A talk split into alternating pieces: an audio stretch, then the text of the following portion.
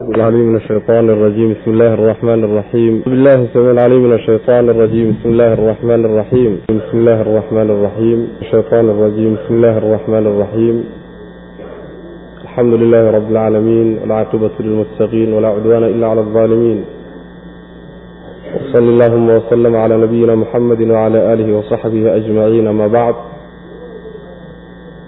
فيقول المولى تبارك وتعالى يا أيها الذين آمنوا أطيعوا الله وأطيعوا الرسول ولا تبطلوا أعمالكم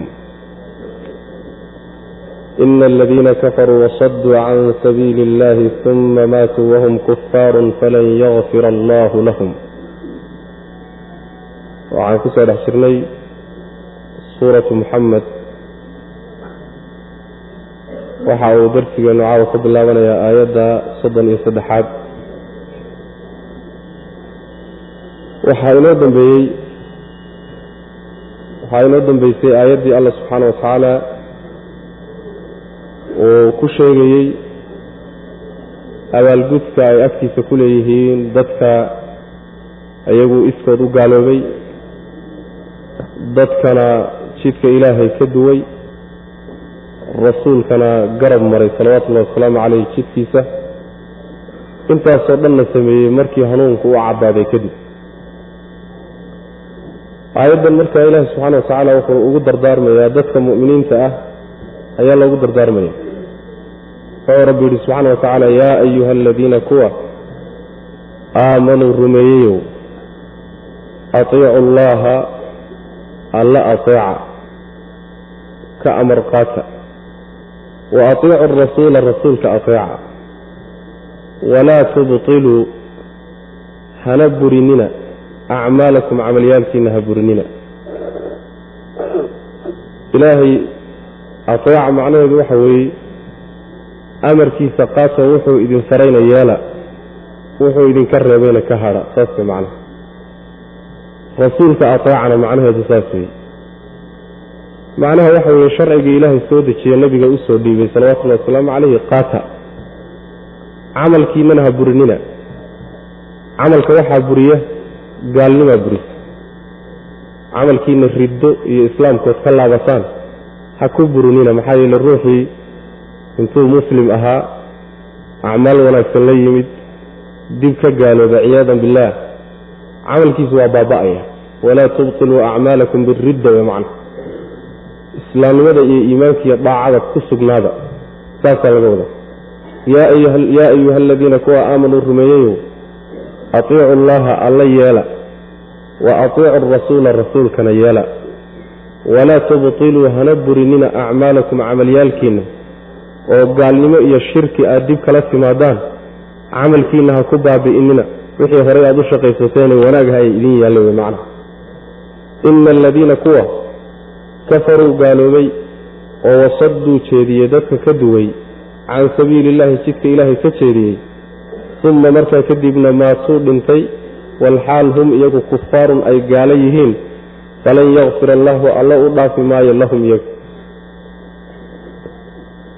Kuwa gaalada ah ee gaalnimada haddana ku darsaday inay dadka ay diinta ilaahay ku diraan oo ay jidka ka duwaan ama afkooda ha isticmaalaan ama adin iyo xoog ha isticmaalaan kuwa noocaasoo kale ah haddana ku geeriyooda gaalnimadii oo iyagoon towbad keenin geeriyooda kuwa ilaahay u dhaafi maayo subxaana wa tacaala. Ina allaha laa yakfiru an yushraka bihi wayakfiru maa duuna dalika liman yashaa wey ilaahay subxaana wa tacaala gaalnimada ma dhaafo. Ruux hadduu ku geeriyoodo dhaafid ma leh cafi ma leh.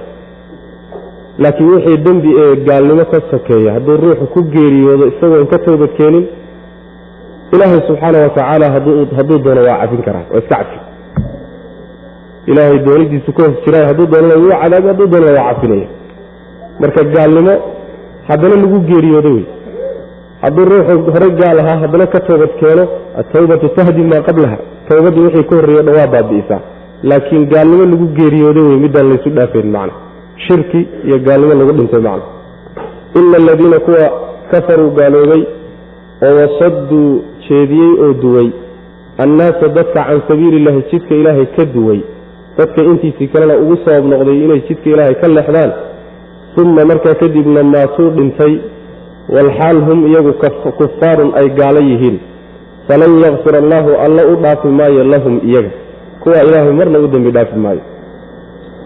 Falaa tahinuu watadcuu ila asalmi waantum alaclowna wallahu macakum walan yatirakum acmaalakum halkana ilaahay subxaana wa tacaala wuxuu ku tirtirsinayaa oo ku caraabinayaa dadka muslimiinta ah inay cadowgooda iska dhiciyaan oy adkaysi u yeeshaan gaalada iska celinteeda. Saasuu ilaahay subxana wa tacala ku tirtirsinaya rabbi wuxuu ihi subxaana wa tacaala falaa tahinuu ha jilcina. Ha daciifina oo qalbi jab iyo mooraad jab yuusan idinku dhicin. Wa tadcuu walaa tadcuu ha u yeedhina ila asalmi heshiis ha u yeedhina heshiis idinka xaggiinna ha ka codsanina aad gaalada la heshiisaan. Wa antum idinka ayaana alaclowna kuwa sarraynta badan ah. Xagga mabda'a iyo caqiidada idinkaa kaga sarreeya. Wallaahu allana macakum la jirankiina weyo idinkuu idinla jiraa walan yatirakum mana dhimayo idinka dhimi maayo acmaalakum camalyaalkiinana idinka nusqaamin maayo inama alxayaatu noloshii addunyaa ee liidatay lacibun waa uun ciyaar walahwun iyo daahid wax lagu daaha un wey wain tu'minuu haddaad rumaysaan oo watattaquu xumaanta aad ka dhowrsataan yu'tikum wuu idin siini alle ujuurakum abaalgudyadiinnu idin siin walaa yas'alkum idinma weydiisanayo amwaalakum xoolihiinnana idin warsan maayo aayaddu macnaheedu waxa weeye marnaba ha daciifina oo gaaladaad iska hor jeedaan iyo cadowgiinna ha u dabcina. Yacni ama qalbigiinna mooraal jab ku dhaca ha noqdo ama inaad isdhiibtaan ha noqdo marnaba jilaac iyo dacfiyayna idinka helin wey macna. Saddex arrimoodba yayna idinka helin. Ama dhowr arrimoodba waa midda koowaade yacni waxa weeyaan intaad daciiftaan. Xukumku waxa weeye intaad daciiftaan ood mooraal jabtaan. Heshiis idinku ha codsanina. Heshiisku xaggooda hadduu ka yimaado la geray laakiin xaggiina yuusan ka imaanin. Dhowr arrimoodba yuusan uga imaanina haw daciifina. Waa midda koowaadee horta idinkaa sarrayn badan oo idinkiiyo gaala ma sinidin saas wey macana mabda iyo caqiidadaad kaga sarraysaan meesha aad ku xidhan tihiin baad kaga sarraysaan waxa aad raadinaysaan ood ka helaysaan meeshanoo lagu geeriyoodaad kaga sarraysaan marka wa antum alaclown idinkaa horta sarreeya. Adoo sarreeyana ninkaa hooseeya laysma hoos dhigo. Waa midda labaade ilaahay baa idinla jira subxaana wa tacaala. Ayadoo alla idin garab taaganya haddana inaad daciiftaan oo heshiis aad u yeedhaan oo codsataan wax la garowsan kara ma aha iyaduna waa midda saddexaade. Camalkan aad gelaysaan eed ku jirtaan ajir weyn iyo abaalgud weyn baad ka helaysaan oo ilaahay waxba idinka dhimi maayo isagoo dhammaystiran baa laydin siin. Oo ajir weeyin baa meeshaa ku jira. Taasina waa mid. Waa midda kaleete ee afraade. Haddii aad nabadgeliyada iyo heshiiska ugu ordaysaan adduunyo jacayl iyo waxoogaa nolosha ood waxoogaa yacni door bideen adduunye waxay tahay baa laydiin sheegi adduunya waa uun ciyaar iyo wax lagu daaha waay ciyaarta waxaa la yidhahdaa liljsaam wallahwu lilquluub yani waxa weeyaan lacibka ciyaarta jidhka ciyaartiisa la yidhahdaa macna. Lahwigana waxaa la yidhahdaa waxyaalaha lagu maaweeliyo qalbiga. Qalbiga lagu daahiyaa macnaha oo ruux wati waktiga isku dhaafinaya oo kaleeto faa'iido kale meesha kuma jirto. Waktiga unbaa la isku dhaafinaya taa macnaheedu waxa weeye adduunyadu waa waxaan joogaynin. Oo sida carruurta yaryarkaee bannaanka intay u baxaan maalintii dhoofay marna guri u dhisayaan marna xoola u samaynayaan marna buul u waabahayaan qoraxdu markay ku kululaato un meesha iskaga soo dareerayo cidlo iyadoo ah. Sidaasoo kale wey macna. Wax un ciyaar ciyaar noocaasoo kale wey macna. Lahwi weeyaanoo nin waktiguu ku dheeraaday waktiga inbuu isku dhaafinahaya oo lahwiga waxaa la yidhahdaa shay qiimo badan oo wanaagsan shay aad yani waxa weeyaan aad intaad ka soka marsato aad kaga mashquulso. Wax iyada ka weyn yaa lagaga mashquulayaa oo aakharadii wax lagaga mashquula wey macna saas wey haddaad rumaysaan oo ilaahay rumaysaan ood xumaanta ka dhowrsantaanna ilaahay ajiryaalkiina idin siinayaa xoolihiinana idin warsan maayo. Xoolihiinna idin warsan maayo maxaa laga wadaa marka? Walaa yas'alkum amwaalakum. Dhowr macnaba waa lagu fasiri karaa walaa yas'alkum amwaalakum macnaheedu waxa weye xoolihiinao dhan alla idinkaga raba subxana wa tacala ilaahay markuu zakada bixiye idin yidhi xoolihiinna wax yar oo ka mid ah wax yar unbaa bixiye laydin yidhi laakiin xoolihiinoo dhan wada keena ilahay idinma odhanin subxana wa tacala oo haddii saa laydin odhan lahaa culays bay idinku noqon lahay sida hoos yani dib laga sii faahfaahin doono macna. Kaasi waa macno. Macno kalena waxa weye walaa yas'alkum amwaalakum. Ilaahay lafihiisa xoolihiinna idinma warsanayo isaguu lafihiisa wax uma doonahaye oo idinkama rabee laakiin walaalihiinna masaakiinta ee baahanood wada dhalateen iyo wax idiin weydiinaya. Walaa yas'alkum amwaalakum macnahana way leedahay. Walaa yas'alkum amwaalakum macno saddexaadna waa lagu fasiraayo. Waxa weeyaan iimaanka iyo alla kacabsiga rasuulku idin soo gaarsiinayo xoola laydinkagama rabo. Bilaash ku qaata saas way macnaha. Sida macnaha waxa meelo badan baan ku soo marnay. Walaa yas'alkum amwaalakum xoolo iyo bedel iyo qaraamaad ku bixiyo waxa laydin barayo diinta laydinma lehe hooyo bilaash ku qaata macana intaba waa layid falaa tahinuu ha daciifina oo ha dabcina oo ha mooraan jabina watadcuu walaa tadcuu ha u yeedhina ila asalmi heshiis ha u yeedhina. Culimada qaar baa waxay qabaan xagga muslimiinta inay heshiisku ka yimaado oo iyagu ay bilaabaan codsiga heshiiska inaan la ogolayn laakiin sida raajixa waxa weeye haddii maslaxa loo arko waa la ogolyahay horta xaggooda hadday ka timaado waa aqbali karnaa.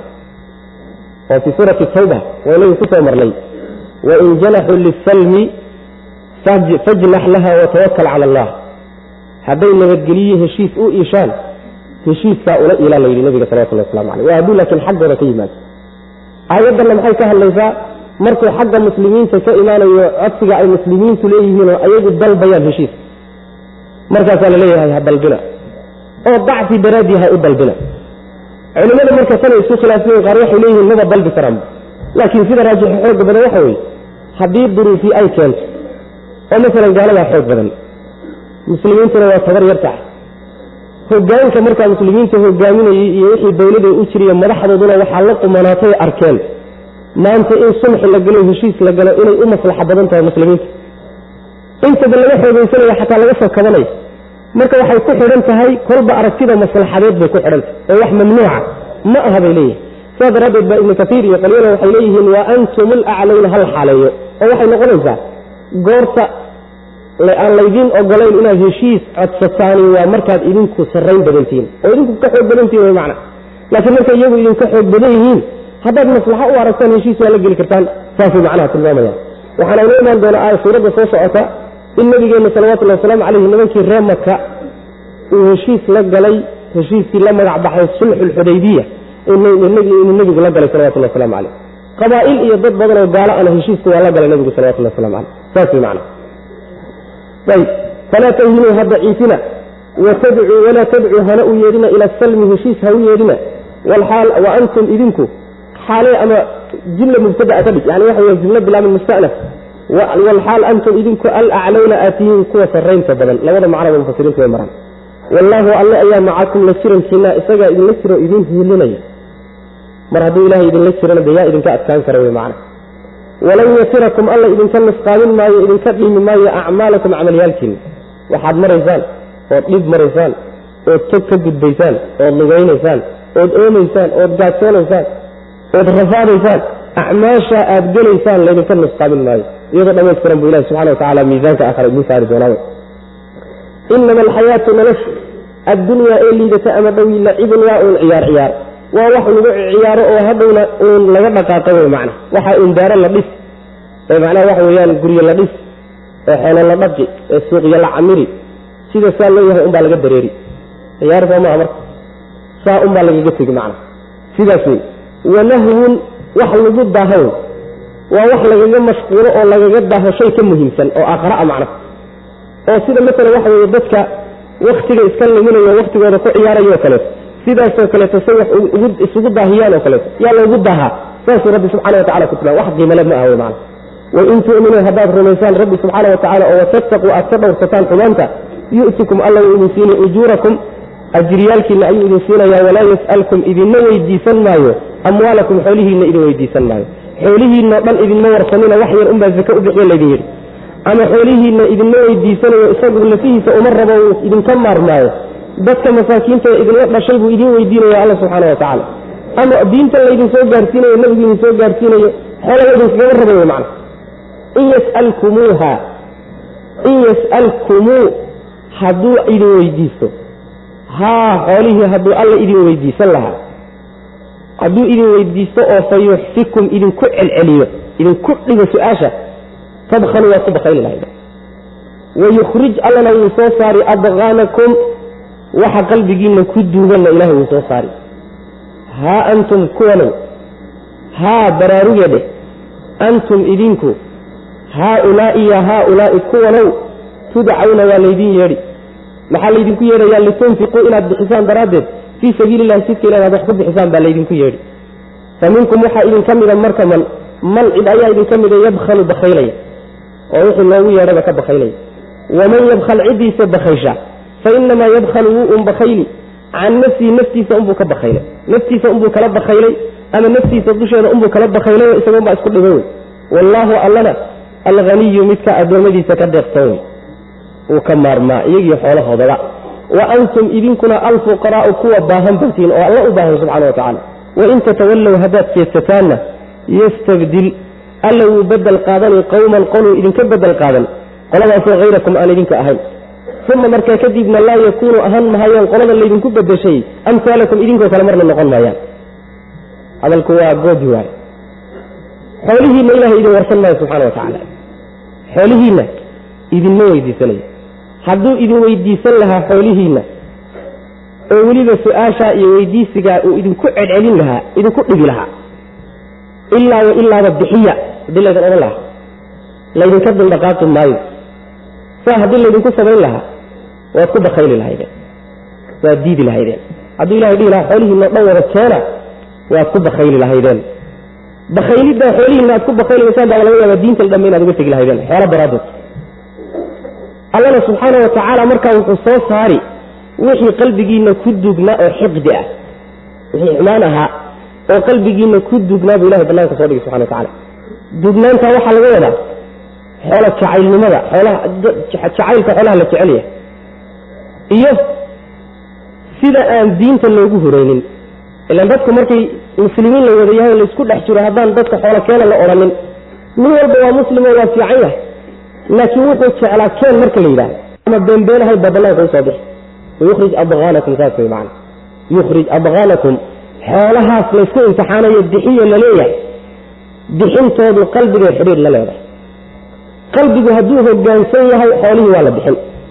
Haddii qalbigu laakiin uusan hogaansanayn oo adimadu uun been sheegahayaan afka iyo adimada laga been sheegaya qalbigiisa laakiin hogaansanayn waa midda la doonayo in la soo saaro taasaa banaanka u soo bixi markii la yidhahdo xoolaha bixiye. oo bakaylo fara badanoo sakadii bixin waaye oo xoolihii waajibaadkoodii gudan waaye baa soo bixi. Markaasaa la baranoo la ogaan way macnaha. Saas weyaan inay sidaa tahayna waxaaba kutusi markhaati baa loo sameeyey. Inuu arrinku siaya waxaa kutusaya kuwiinan saxaabadaa marka nabiga sal alay waslam ayaa lala hadlaya idinka kuwiinanow waa laydin yeedhi oo jidka ilaahay wax ku bixiyaa laydinku yeedhaya diinta ilahay ku garab istaaga oo masaakiinta siiya oo qaraabada ka xidhiidhiya oo wanaagga iyo meelaha khayrka ilahay jecelya ku bixiya. Sabiilka halkaas macnaha weeyaan. Xoolihiinna halkaa ku bixiya laydinku yeedhi ayada weliba xoolihii o dhan aan laydinka codsanin qaar laydinka codsaday ayaa haddana qaarkiin ku bakaylayaao intii yarayd baaba laydinka la'ya fa minkum man yabkal qaar baa intii yarayd xataa laga la'ya ninkaa intii yarayd laga la'ya waxaa yarkaa laga leeya zakada laga la'ya xoolahaagoo dhan wada keen haddii la yihahdo inuu bixin lahaa ma idinla tahay waa maya markhaati bay marka u tahay intii yarayd baaba laydinka la'yahay sidaa daraaddeed xoolihiinoo dhan hadduu alla idin weydiinsan lahaa waad ku waa iska cadaamadda iyadu macna ninkiisa bakaylaayey oo xoolihiisii waajibkii la saaray ku bakaylo bixin waayahay isagay u darantay. Isagaa isdhibay isagaa lafihiisa yani waxa weye xoolihiisi kaga bakaylay maxaa yeelay kayd aakharo ayaan u oolin oo wax dhimo isagaa lalahaa isagaa lala talinaya ilahi waxba inagama rabo subxana wa tacala alla waa idinka maarmaa. Oo intaa uu idin qalqaalinahayo khayrka idinku qalqaalinayo wax danoo gooniya uu ku wata ma jirto alla subxana wa tacala wax dheef oo ka soo gaadhaysana ma jirto. Haddaad diidaana wax dhiboo kaga imaanayo ma uu jiro. Laakiin yaa loo danaynaya idinkaa laydin danaynaya haddaad dantii garanaydaan marka hadda waa idinka dabaxun marka.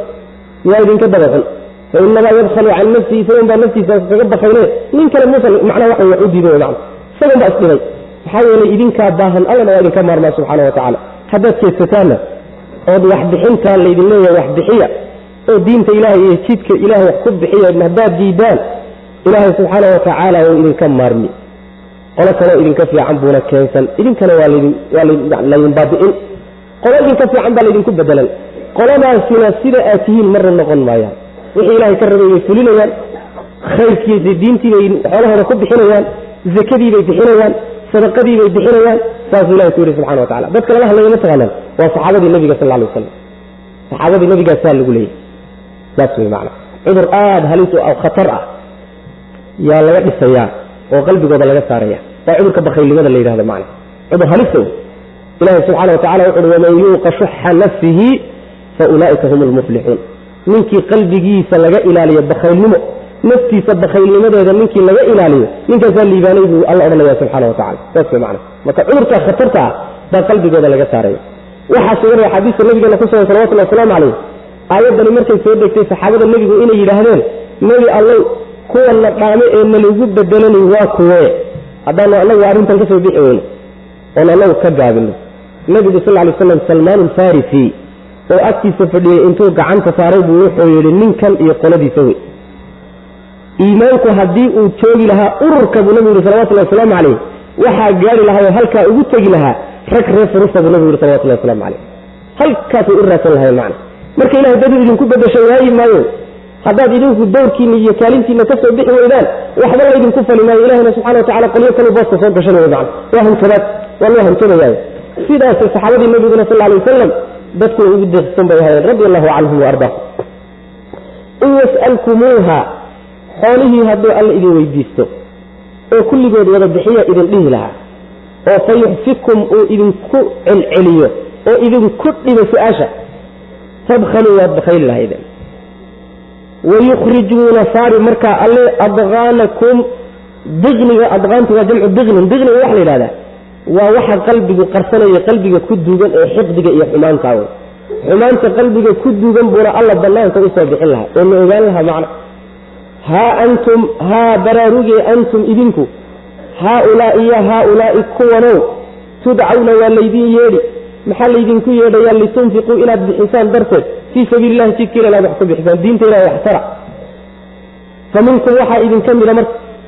Jidka ilahay wax ku bixiya marka laydin leeyahay waa zakadii iyo sadaqaadkii xoolihiinii qaar ka mida wey kulli ma ah fa minkum waxaa idinka mida marka man yabkhalu mid bakaylayo intii yaraydba laga la'yahay waman yabkhal ninkii bakaylaaya fa inamaa yabkiru yabkhalu wuu un bakayli can nafsihi naftiisa unbuu ka kala bakaylay xoolaha naftiisa unbuu kala bakaylay isagaa isqabiye nin kale muusan wax yeelin wey macna.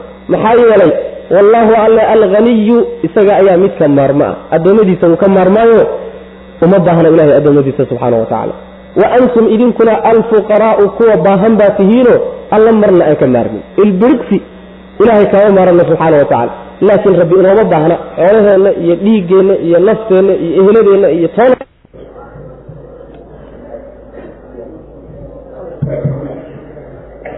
marka idinkaa ilaahay subxaana wa tacaala u baahan idinka dantiinna unbaa intaasoo dhanna la idin qalqaalinayaa wey macna wain tatawallow haddii aad jeesataan yastabdil wuu bedel qaadane alle qowman qolo ayuu idinka bedel qaadan.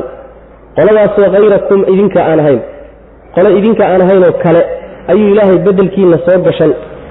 Uma markaa kadibna laa yakuunu ahaan maayaan qoladaasi bedelkiina la soo gashaday amhaalakum idinkoo kale marna noqon maayaan. Saas wey macna.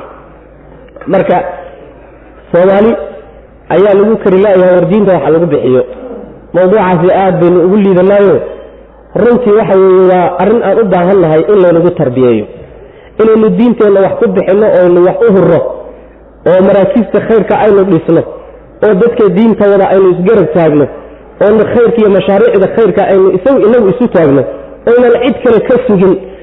Soomaali arrintaasi waxaad moodaa inaysan u bislayn bakhaylnimo inay ka tahay u malayn maayo laakiin waxay ila tahay in mawduuc ay barteen buusan ahayn macna. Waa yar yihiin dadka hawsha noocaasoo kalea isku hawliya ama u arkaba inay wax weyn tahay macna dadku meelo kale unbaa u muuqda. Waxaad arkaysaa dadka tujaarta ama ganacsadayaasha waxaad arkaysaa sannadkii dhowr goor buu soo cumraystaa. Xoolihiisuu ka soo cumraystaa. Ma xumo in la soo cumraysto. Laakiin mawduucyo ka waaweyn oo isagana uga ajir badan muslimiintana uga manaafacaad badan baa meesha uu ka tegayo ka buuxa. Bal jahliga taagan. Wuusan baranin laakiin. Inta uu cumrada ka helayo boqolaadkeed iyo kullaadkeed camal uu ka helayo khayri ah yaa meesha uu ka tegayo yaalla. Hadduu sagaalka boqol ama sideedda boqol ama afarta boqol ee doollara uu ku tegayo uu ku bixin lahaana isagana uga ajir badnaan lahaa muslimiintana uga manaafacaad ficnaan lahaa. Laakiin assoomaaliyuun maa yacrifuun. Soomaali garan mayso middaa iyada macna. Saas wey intii waxoogaa u yeelatayna halkaa unbaa loo dhaqaaq. Waa inta roo weliba waa inta roona kuwaas waaba roo yihiinba. Inta kaleeto shar iyo xumaan iyo qabiil iyo qashin ubaaba laga shaqayn macna. Ilaahay subxaana wa tacala hala nabadgeliyey suurat alfatxi bismi illahi araxmaan araxiim suuraddani waa suura madaniya waay.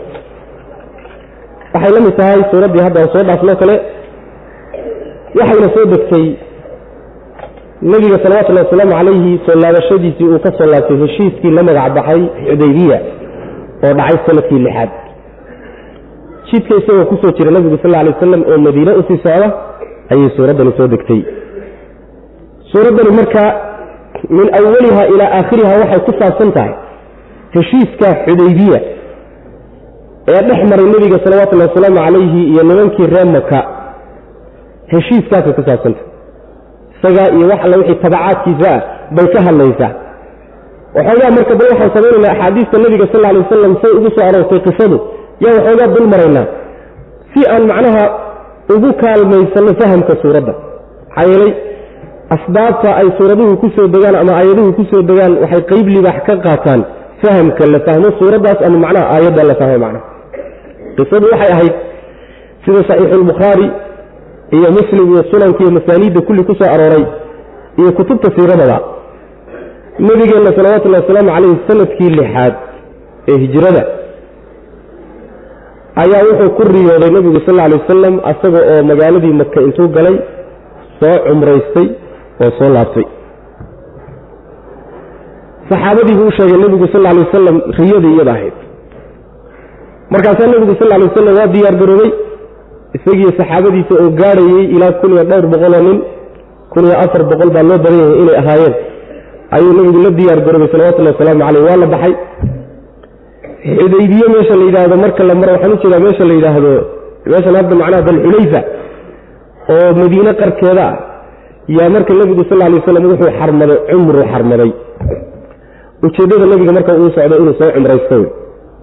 Dagaal ma doonayo nimanka reer maka iyo nebigana sal alay wasalam wax heshiisa weli ma dhex marino xaalad dagaal baa lagu kala maqnaa. Xaalad dagaal baa lagu kala maqanyay laakiin waxaa caadi ah xaramka ilaahay nin cadow ah iyo nin shisheeyaa iyo nin sokeeya ah toona nooma diido. Kii aabbahaa dilay haddaad ku aragto isagoo dawaafaya caadadooda waxaa ahayd inaysan u diidin. Saas way macana talagalkaasu marka nebigu ku dhaqaaqay salawatullahi waslamu caleyh uu ku tegey markuu xudaybiye ka sii baxayo ayuu wuxuu diray nin sahan ah. Qabiil reer khusaaca la odhan jiray oo nebiga sal lay slam ay isku bah ahaayeen gaashaanbuur lahaayeen ay isku jeel ahaan jireen. Nin ka mid ayuu nebigu diray salawatullahi wasalaamu caleyh makuu u diray wuxuu yidhi bal jidka iyo ree maka waxa ay ku tala gashan yihiin warkiisa intaad soo ogaato jidka igaga hor imow oo iisoo sheeg ninkii waa tegey ree makoo diyaar garoobaya oo u diyaar garoobaya inay nebiga la dagaalamaan salawatullahi wasalaamu caleyh oo ay u diidaan cumrada ayuu soo arkay. Nebigu ka hor yimi salawatullahi wasalaamu caleyh uu u sheegay xaaladdii meesha ka jirtay. Wuxuu yidhi nimankii oo diyaar garoobay oo xataa carruurtoodii iyo haweenkoodii diyaarsaday ayaan soo arkay. Nebigu marka salawatullahi wasalaamu caleyh saxaabadiisii buu la tashaday. Maxaan samaynaa ma waxaynu samaynaa nimanka intaynu dabagooyo ku samayno aynu daba marno? Iyaynu iyagoo soo maqan baynu caruurtii iyo haweenkii iyo magaaladii u daba marnaa. Mise intaynu socodkeenna iska haysanno? Yaynu cid alla ciddii inaga hor timaado la dagaalanaa. Abubakar sidiiq baa keliye wuxuu yidhi nebiyow maadan u soo bixin inaad dagaalantee cumraad u soo baxdaye aynu iska soconno wixii jidkaa inagula kulmo inagaga hor yimaadana aan iska dhicinno taladaasuu nabigu qaatay salawatullahi wasalaamu calayh. Waa la socday. Markii maka laga agdhowaaday ayaa wuxuu nebigu ogaaday salawatullahi wasalaamu calayhi ila mar walba saham buu dirayey ciidamo sirdoonuu nebigu sal ly slam dirayoo dhulkaas iyo dhaqdhaqaaqa ka jira iyo kulli soo taxasusayay nebiga wardoonkiisii waxay u soo gudbiyeen ciidamo khaalid ibnu waliid uu wato in ay macnaha waxa weye dhexda ku jiraan oo aada u diyaarsan. Waa maka agteeda markuu ka agdhowaaday wey nebigu sal lay waslam marka meeshii ciidanka lagu sheegayba wuu gara maray midigtu ka maray. Wuxuu socdayba khaalid marka wuxuu arkay ciidankii nebiga ee uu u horgoynayey oo dhaafay buu arkay oo siigadiisii siiba socotaba meeshiibuu isaguna orod isa sii daayey oo magaaladii la geliyey ka gaadh buu isyidhi oo digniin dexe oo dadkii macnaha waxa weye intaan la helin meeshiibuu orod isaguna maarata isgaadhayo magaaladiibu ku cararay.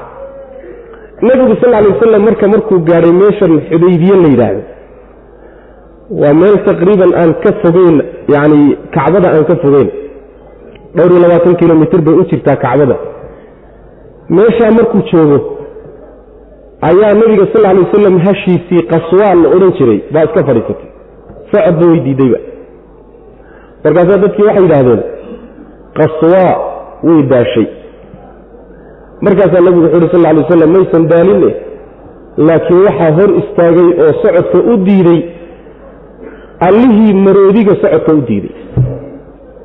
Maroodiga alam tara kayfa facala rabbuka biasxaabi ilfiil ninkii abraha la odhan jiray allihii is-hortaagay maroodigiisii oo socodka u diiday yaa hashanna socodka u diidan jidkiibuu markaba nebigu ka leexday salawatullahi wasalaamu calayh ceelal goofaf ah oo meeshaa ku yaallay buu marka nebigu degay sal lay waslam oon biyo lahayn.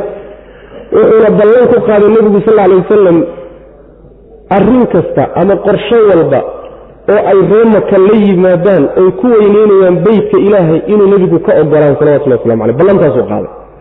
Meeshiibay marka saxaabadii nebigu iska degeen salawatullahi waslamu caleyh biyo la'aan wey marka. Nebigu sal alay waslam marka leelalkiisii mid ka mida la qaaday goofafkii goof ka mida lagu riday meeshiibaa la cabaya ceelkiibaa biyo miiran noqday meeshaasaa macnaha waxa weye ciidanku biyo ka cabeeyeen ciidankuna ilaa kun iyo afar boqoloo nin buu ka koobaya meeshaasuu nebigu iska degay salawatullahi waslamu caleyh reer quraysheed buu marka nebigu sal alay wasalam u cidiray wuxuu u damcay inuu diro ninkii la odhan jira cumar ibn khataab radi allahu canhu wuxuu doonayaa in la gaadhsiiyo fariintiisa oo waxa uu u yimid inaysan dagaal ahayn oo dagaal uusan u soconino qorshe cibaado ilaahay inuu cumraystay inuu u socdo. Cumar buu marka soo bax oo aad. Cumar marka waa ka cumur daartay wuxuu yihi nebigo allow niman reer bani cabdillaydadaan aniga ka dhashay. Nimankaasina wax idifaaci maka ma joogo. Reer quraysheenna way og yihiin wixii aniga iyo iyagana dhex maray iyo meesha aan ka taagna waa og yihiin. Laakiin nin igaga fiican baan kuu tilmaami. Cismaan baa igaga fiican o cismaan ha la diro buuri cismaan baa la diray. Cismaan markii nebiguu diray salawatullahi wasalaamu caleyh cismaan magaaladii makuu tegey nin abaan ibnu saciid la yidhaahdo ibnulcaas ayaa markiiba ka hor yimid ninkiibaa kaxeeyey ninkiibaa nabadgelye siiyey. Odayaashii reer qurayshadoo abuu sufyaan u weyn yahay yuu u tegey ninkii la odhan jiray cusmaan ibnu cafaan. Markaasuu yidhi waxaan wadaa nebi maxamed salawatullahi wasalaamu caleyh baan dhambaal idinka wadaa u dhambaalku wuxuu yahay annagu dagaal maanaan u imaanin inaannu cumraysanaanu doonaynaa oon beytka ilaahay dhawaafno kadibna laabanno. Muhimmadaasaan u socdaa. Waxay yidhaahdeen warka iska dhaaf adiga waa kuu ogollahay haddaad dhawaafayso laakiin ninkaas soo ma ah iyo raggiisa maya. Ka yaabi maysid badha asaguna wuxuu yidhi hadduusan nebiguba ila soconin oo ila dhawaafaynin anna waxba ku fali maa dhawaafi maayo waxaa marka nebiga soo gaadhay salawatullahi wasalaamu calayhi oo war ku soo gaadhay nimankii inay cusmaan qabteen oy dileen. Sheekadaasaa nabiga soo gaadhay salawatullahi waslamu calayh. Markaasaa nebigu sal alay wasalam saxaabadii intuu isugu yeedhay ayaa waxaa meeshaa lagu galay heshiiska la magac baxay beycada la magac baxay beycat ridwaan. Beecadaasi waxay ku timid sababka cusmaan ibnu cafaan bay ku timid. Waxaana nebigu saxaabada uu beecada kula galay in ay meeshaasi in aan quraysh lala dagaalamo oo meeshaa lagu geeriyoodo oo aan la cararin. Halla baaba'o saasuu nebigu salawatullahi wasalaamu caleyh heshiis kula galay. Saxaabadu qaarna waxay leeyihiin mawd iyo geeri buu nebigu nagula galay beecada qaarna waxay leeyihiin inaanaan cararin buu beecada nagula galay. Laqad radia allahu cani lmu'miniina id yubaayicuunaka taxta ashajarati halkaasayna u imaan doonta macnaa suuradda dhexdeeda. Beecadaa markaa nebigu la galay salawatullahi wasalaamu calayh oo uu dagaal isu diyaariyey ayaa warkii beenoobay waxaa la yidhi warkii waa been cusmaanna waa nool yahay waaba yimid cusmaan. Waxaa bilaabatay marka ergo ka dhex socota nebiga salawatullahi wasalaamu calayhi iyo nimankii reer qureysheed nin budayl ibnu warqaan la yidhahdaa u yimid oo reer bani khusaaca reer khusaaca nebiga ayuu yimid salawatullahi wasalaamu calayhi. Nebigu marka wuxuu u sheegay ujeeddaduu u socday. Budayl marka wuxuu u tegay odayaashii reer maka wuxuu hi warnimayaho ninkii baan dhambaal ka wadaa ma idiin sheegaa kuwoodii sufahada waxay yidhahdeen war waxba ha noo sheegina kacnala dhaaf. Intii waxoogaagii caqligeeda odayda odayaasha ah baa yidhi bal hadda sheegan wuxuu yidhi ninkii dagaal uga socdee cumruu doonayaa faraha ka qaada ha cumrayste. Way diideen. Waxay soo direen nin kale oo la yidhaahdo rag dhan way iska soo daba direen nin kaley soo daray reer bani kinaana abay soo direen. Ninka reer bani kinaana wuxuu ka mid aha dadka marka geela hadyiga ee kacbada loo wado dadka qabaaisha weyneeye ixtiraamuu ka mid ahaa. Markuu arkay nebigu isagoo soo socay salawatullahi wasalaamu caleyh iyo wuxuu yidhi geelii hadyiga hala kaakiciyo. Istaajiya geela. Ninka kaas wuxuu ka mid yahay qabaaishii geela weyneyn jiray geela hadyige geelii markii la kaakiciyey. Yuu isku baxay. Markaasu wuxuu yidhi walle kuwan hada geeliyo intuu intaa jid ku soo jiray oo meesha ku xadisan yahay rafaadka ka muuqda yaabayso.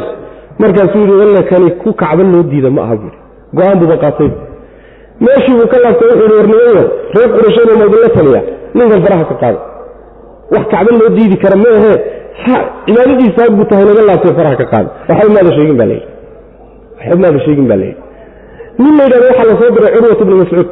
Aniga hala daayo aniga hala diro curwa yimid. Curwa nabiga u yimid salawatullahi wasalaamu caleyh markaasu wuxuu ku yidhi muxamedow waxa aad u socoto inaad reerkaaga baabi'iso oo qoyskaad ka dhalatay iyo adeerada layso soo maa arrintu laba mid wey inaad adkaato ood adigu naga adkaato. Haddaad naga adkaatona nin tolkii iyo odayaashiisii iyo adeeradii laayay baad. Faa'iide ma hayso. Haye? Haddii kaleeto waxaa ii muuqata buu yidhi kulubkaan aad isku soo uruurisay oo qabaa'il kala gegedisan aad ka keentay yaad wadataa kuna difaaci maayaana way kaa carari doonaan buuri sida ii muuqata keligaabay meel cidlaa ku dhigi doonaayo haadda kuu loogi doonaan. Ha isku ciyaarin. Abubakar baa marka maqlayo ag fadhiya. Markaas abubakar wuxuu ku yidhi yani umsus badra laata anaxnu nankashifu can rasuuli illahi sal alay waslam buu ku yidhi. Yani laata waa sanamkoodii. Sanamkiina laata kii tirka ka nuug buu ku yidhi. Maanaga nabiga ka cararayna buu. Waa maxay waxaad ku hadlayso markaasuu yidhi waa kuma ninkaas. Maxamedow ninka saa u hadlaya waa kuma. Wuxuu yidhi waa abubakar. Curwa wuxuu yidhi haddii aadan gacan hadda ka hor aad ii gashay oonan kaaga abaalgudin haddayna jiri lahayn alalaha waan kuu jawaabi lahaa bu nebigu marka wuxuu bilaabay salawatullhi waslamu caleyh inuu u sharxo ujeeddadii u yimid. Curwa markaasu wuxuu isku dayay inuu nabiga garhkiisa qabto salawatullahi wasalaamu caleyh mugiirat bnu shucba oo curwa adeer uu u yahay curwahana adeer u ah. Oo nebiga la socda salawatullahi wasalaamu caleyh yaa seefta daabkeeda gacanta kaga dhuftay oo yidhi warsiidaa nebiga jirkiisa ha qabanay war waa kuwa buu kanna waa kii aad adeerku ahayd markaasuu yidhi nacaskiiow aniguna qashinkaagii iyo xaarkaagii baan gacantayda ku dhaqayey shalay. Adiguna saasaad igu samay sooma yani dakare iyo eed uu dad ka galay shalayto curwe waxaan u jeedaa yani mugiirat bnu shucba yuu adeerkii iloweye yuu gudahayey oo xoolihii iyo reerihii buu la xaalahay aniguna gafkaad gashadan shalayta la xaalahayey oo macnaha waxa weeye aan gar kaga jiray. Adiguna sidaad sidan ad igu samay sooma. War iyo dhammaantii curwe nebigii markay wada hadleen salawatullahi wasalaamu calayh wuxuu u fiirsaday saxaabada nebiga sal lla alay waslam iyo dhaqankooda u fiirsaday. Aad buu ula yaabay marka. Nebigu candhuuf hadduu tufo dhulka dhici mayso waa la kala boodi oo hadduu tin xiiro dhulka dhici mayso. Oo indhaha kuma fiiqi karaan. Oo hadal hadduu yidhaahdo waa loo kala degdegi. Curwatii buu la yaabay marka. Wuxuu moodayay waxaan ahayn baa ku soo baxay. Wuu laabtay oo markaasuu reer quraysheed ku laabtay wuxuu yihi qurayshay waxaanan weligii arag baan soo arkay.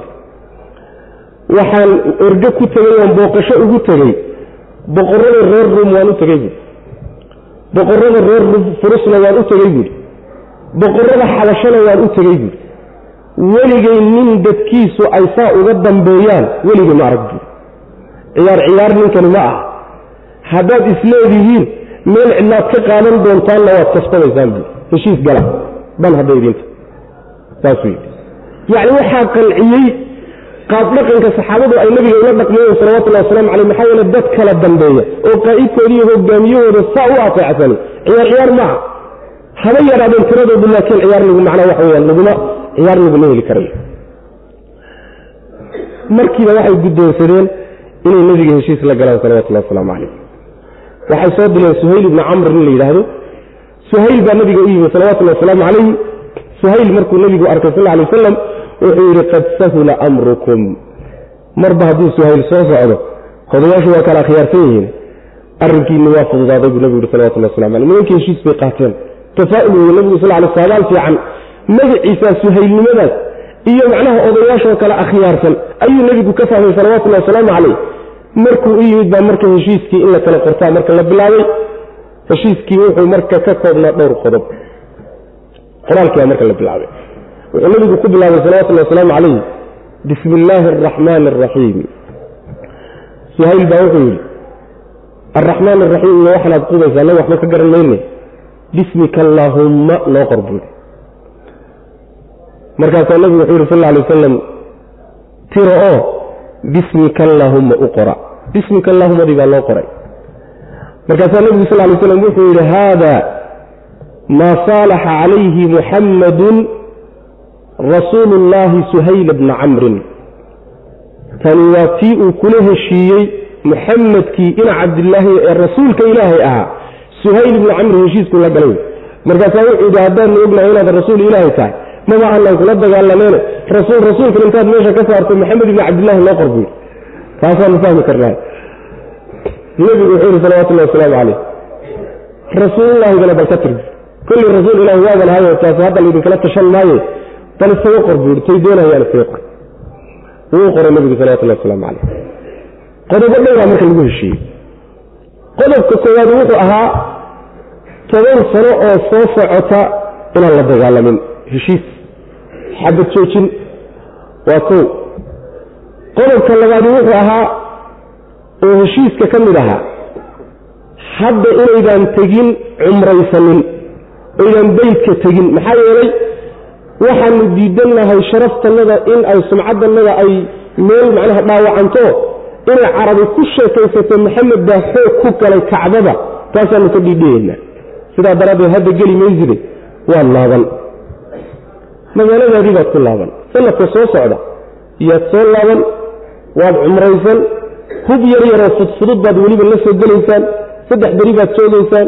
Kadibna waad laabanaysaan waay ajendaha labaad waay ajendaha saddexaad wuxuu ahaa muddada heshiiska lagu jiro cid alla ciddii idinka idinka timaada oo muslimiinta ka mida intay madiine ka soo cararto annaga noo timaado lama celin karo. Cid alla ciddii laakiin soo islaanta cid alla ciddii soo islaamto ree maka ka soo cararto idinka idiin timaadaay waa inaad noo soo celisaan. Cajiib waa qaatay nebigu salawatullahi wasalaamu caleyh waa yahay ka kaleto wuxuu ahaa qabaa'isha degan deegaamadaasoo dhan. Qolo walba ama nebiga salawatullahi wasalaamu caleyh ama quraysh kay jeclaystaan in ay la galaan inay la bah noqdaan way heli karaan. Qoladii doonaysa inay nebiga gaashaanbuur la noqoto way heli kartaa. Qoladii quraysh doonaysa inay gaashaanbuur la noqotona way heli kartaa. Labadaaba waa la heli karaa. Qoladii idinka gaashaanbuur idinla noqota xukunkiinay qaadanaya. Qoladii annaga nala noqotana xukunkanagay qaadanaya. Heshiiskaasaa lagu heshiiyey. Heshiiskii markii la qoray ayaa isagoon weli la dhammayninba oo malaha saxiixii waxbaa laabnamiya yaa waxaa yimidba abujandal ibnu suhayl ninkan odayga ahe heshiiska carab u saxiixaya quraysh u saxiixaya wiil uu dhalay oo xidhxidhan oo intuu soo fakaday suu u soo siqaye u soo siqaye meesha yimid markaasuu muslimiinta isku soo dhex tuuray.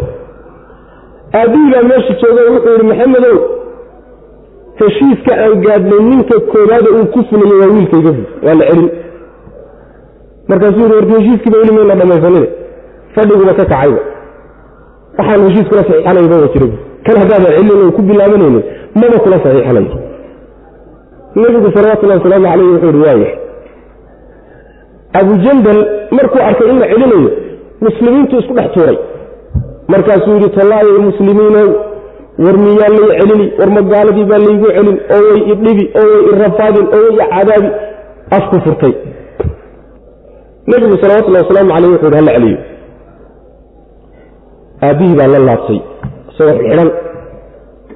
Cumar bnu khataab radi allahu canhu iyo ragle oo yacni bishin ka qaniinsan oo arrintan taata aad uga xanaaqsan ayaa marka wiilkiioo la sii wado dan ha ka gelin abujandalow waa ey dhiigguudan dhiiggooduna waa dhiig ey waana gaalo inaguna muslimiin baan waynu ka adkaan doonna markaasuu cumar wuxuu samaynayaa seeftiisa daabkeeduu u soo dhowaynahayaayo muxuu doonayaa intuu wax ka dhufsada iska dhigo inuu aabbihii qoorta kaga dhufto.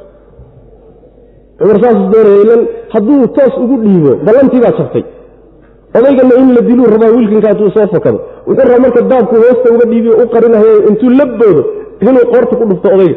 Wuxuu yidhi laakiin aabbihii buu ku bakhaylay buu. Aabbihii inuu iska dilo muusan rabin. Ninkii la celi abujandal ah. Arrintaasi marka saxaabadu aad bay uga xumaadeen. Si adag haba yaraatee wax la qaadan waayey ku noqotay waxaa ka mid ah cumar bn khataab radi allahu canhu raggii ay arrintaasi u dhadhami weyday. Wuxuu u yimid abubakr sidiiq nebiguu u yimid salawatullahi wasalaamu calayh markaasuu yidhi nebi allow soo rasuul ilaahi ma tihin haa buu yidhi. Soo muslimiin ma nihin. Haa. Waxaa wadana soo xaq ma ah. Haa. Ayaguna soo gaalo ma ah. Haa. Waxay wataanna soo baatil ma ah. Haa maxaan marka diinteenna dulli u dhaafsanaynaa buuhi marka. Annagoo xaq ah. Maxaan go'aamadan dulligaa u qaadanaynaayo? Waxan kadaata aynu macnaha waxa u guddoonsanaynaa maynu wax iska celinno. Markaasaa nebigu wuxuu ku yidhi salawatullahi wasalaamu calayh rasuul ilaahay baan ahay. Meel baana la iiga talinayaa. Amarkiisaanan qaadanayaa. Ilaahayna ima dayici doonuu ku yidhi. Markaasaa wuxuu ku yidhi madiine markaan ka soo tegayna soomaada loogu sheekaynay inaannu geli doonno maka oonu soo cumraysan doonno markaasaa wuxuu yidhi waan kugu idhiye laakiin sanadkanaad tegi doontaa miyaan ku idhi maya buu yidhi khalaas waad tegi doontaa buuhi marka. Abubakar intaa kuma qancine wuxuu u yimid ninkii waxaan u jeeda cumar intaa kuma qancine abubakar buu haddana u yimid. Markaasuu yidhi abubakarow soo muslimiin mani haa soo rasuul ilaahi oo xaqa ma ah. Soo dad yacni ahluxaqa mani soo kuwana gaalo ma ah. Maxaynu dulliga diinteenna u dhaafsanayna maynu wax iska celin. Markaasaa wuxuu ku yidhi rasuul ilaahay wey waana xaq xagga rabbi baana lagala talinayaa amar la siiyeyna weye cumarow intaad gebgabta iska daysa amar qaada buu ku yidhi. Saas wey macana cumar marka meeshii buu ku xasilay.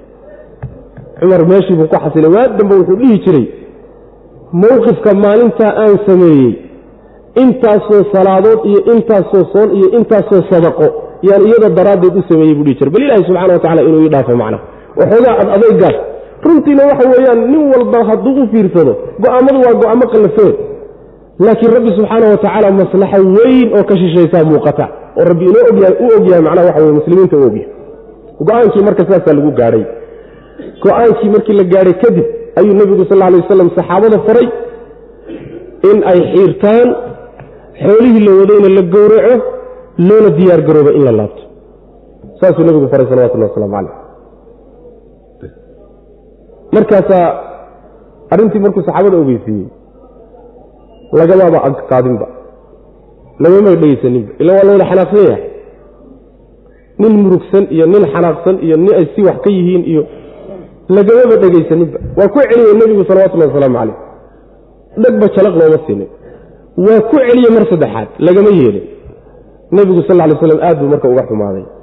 Wuu soo laabtayoo ummu salama xaaskiisii ahayd gurigii intuu meesha ku jirta ugu soo galay isagoo aada u murugsan iyo wuxuu gu yidhi ummu salamay saasaan sameeyey oo dadkii i diiday ummu salama radi allahu canha markaasa waxay ku tihi nebi allow anugu ma kuu sheegaa waxay kugu yeelayaan haa adigoo shibca intaad dhaqaaqdo adigu hadyigaagii iyo xoolahaagii soo qaqabato dhegta dhiigga u dar. Ku bilow adigu ninkii kuu xiirahayeyna u yeedho timaha madaxa u dhiibo xiiro ayagaa markaa samayn dooneen nebigu sidii buu sameeyey salawatullah waslamu caleyh markay arkeen nebigiioo sidii samaynaya waa la kala boobay. Markii lagu yaacay oo xoolihii la wada gowracay oo timihii la wada xiirtayo waa taladii umu salama wey radi allahu canha ujeeda intaasi markay dhacday kadib buu marka nebigu gadoomay salawatullahi wasalaamu calayh oo uu madiine u laabtay go'aamadaa isagoo xambaarsan. Madiine markuu u laabtay oo dhexda ku sii jiro oo uu sii socdo ayaa marka waxaa soo degtay innaa fataxnaa laka fatxan mubiina liyakfira laka allahu maa taqadama min dembika wamaa ta'ahar suuraddanaa soo degtay suuradda marka qisaday ku degtay waa middaa dhexdeeda intaan ku jirno ayaan marka u tegi doonaa tafaasiil fara badan oo qisada ku saabsan ayaan u tegi doonaa insha allahu tacaala bismi illaahi araxmaan araxiim suurat lfatxi bismi illaahi magaca ilaahay baynu ku bilaabaynaa allihii arraxmaani naxariista guud lahaa alraxiimi midda gaarkaana lahaa innaa annaga ayaa fataxnaa furnay nebiyow laka adiga ayaanu kuu furnay fatxan furitaan mubiinan oo cad. Maxaanu kuugu furnay liyakfira inuu dhaafo daraaddeed laka adiga allaahu alle inuu kuu dhaafo maa taqadama wixii hormaray oo min dembika ah wamaa ta'ahara iyo wixii dib marayba. Iyo wayutima inuu dhammaystiro daraaddeed nicmatuhu alle nicmadiisa calayka dushaada inuu ku dhammaystiro. Iyo wayahdiyaka inuu ku hanuuniyo siraadan jid inuu kugu hanuuniyo jidkaasoo mustaqiiman toosan macnaheedu waxa weeye fatxigan ilaahay uu nebigiisa leeyahy sal lay waslam waan kuu furay fatxi cad baan kuu furay sida culimmadu u badan yihiin saxiixa ah waxa weeye ma aha furashadii maka lagama hadlayo. Heshiiskii xudaybiye ka dhacay ee aadka u khadhaadhaa ee go'aamadiisu qallafsanaayeen iyuu ilaahay wuxuu ku tilmaamayaa inuu ahaa fatxi mubiin ah. Furid cad buuba ahaaba see buu furid cad ku noqday marka. Meel lagu kadeedmay ba ahayde.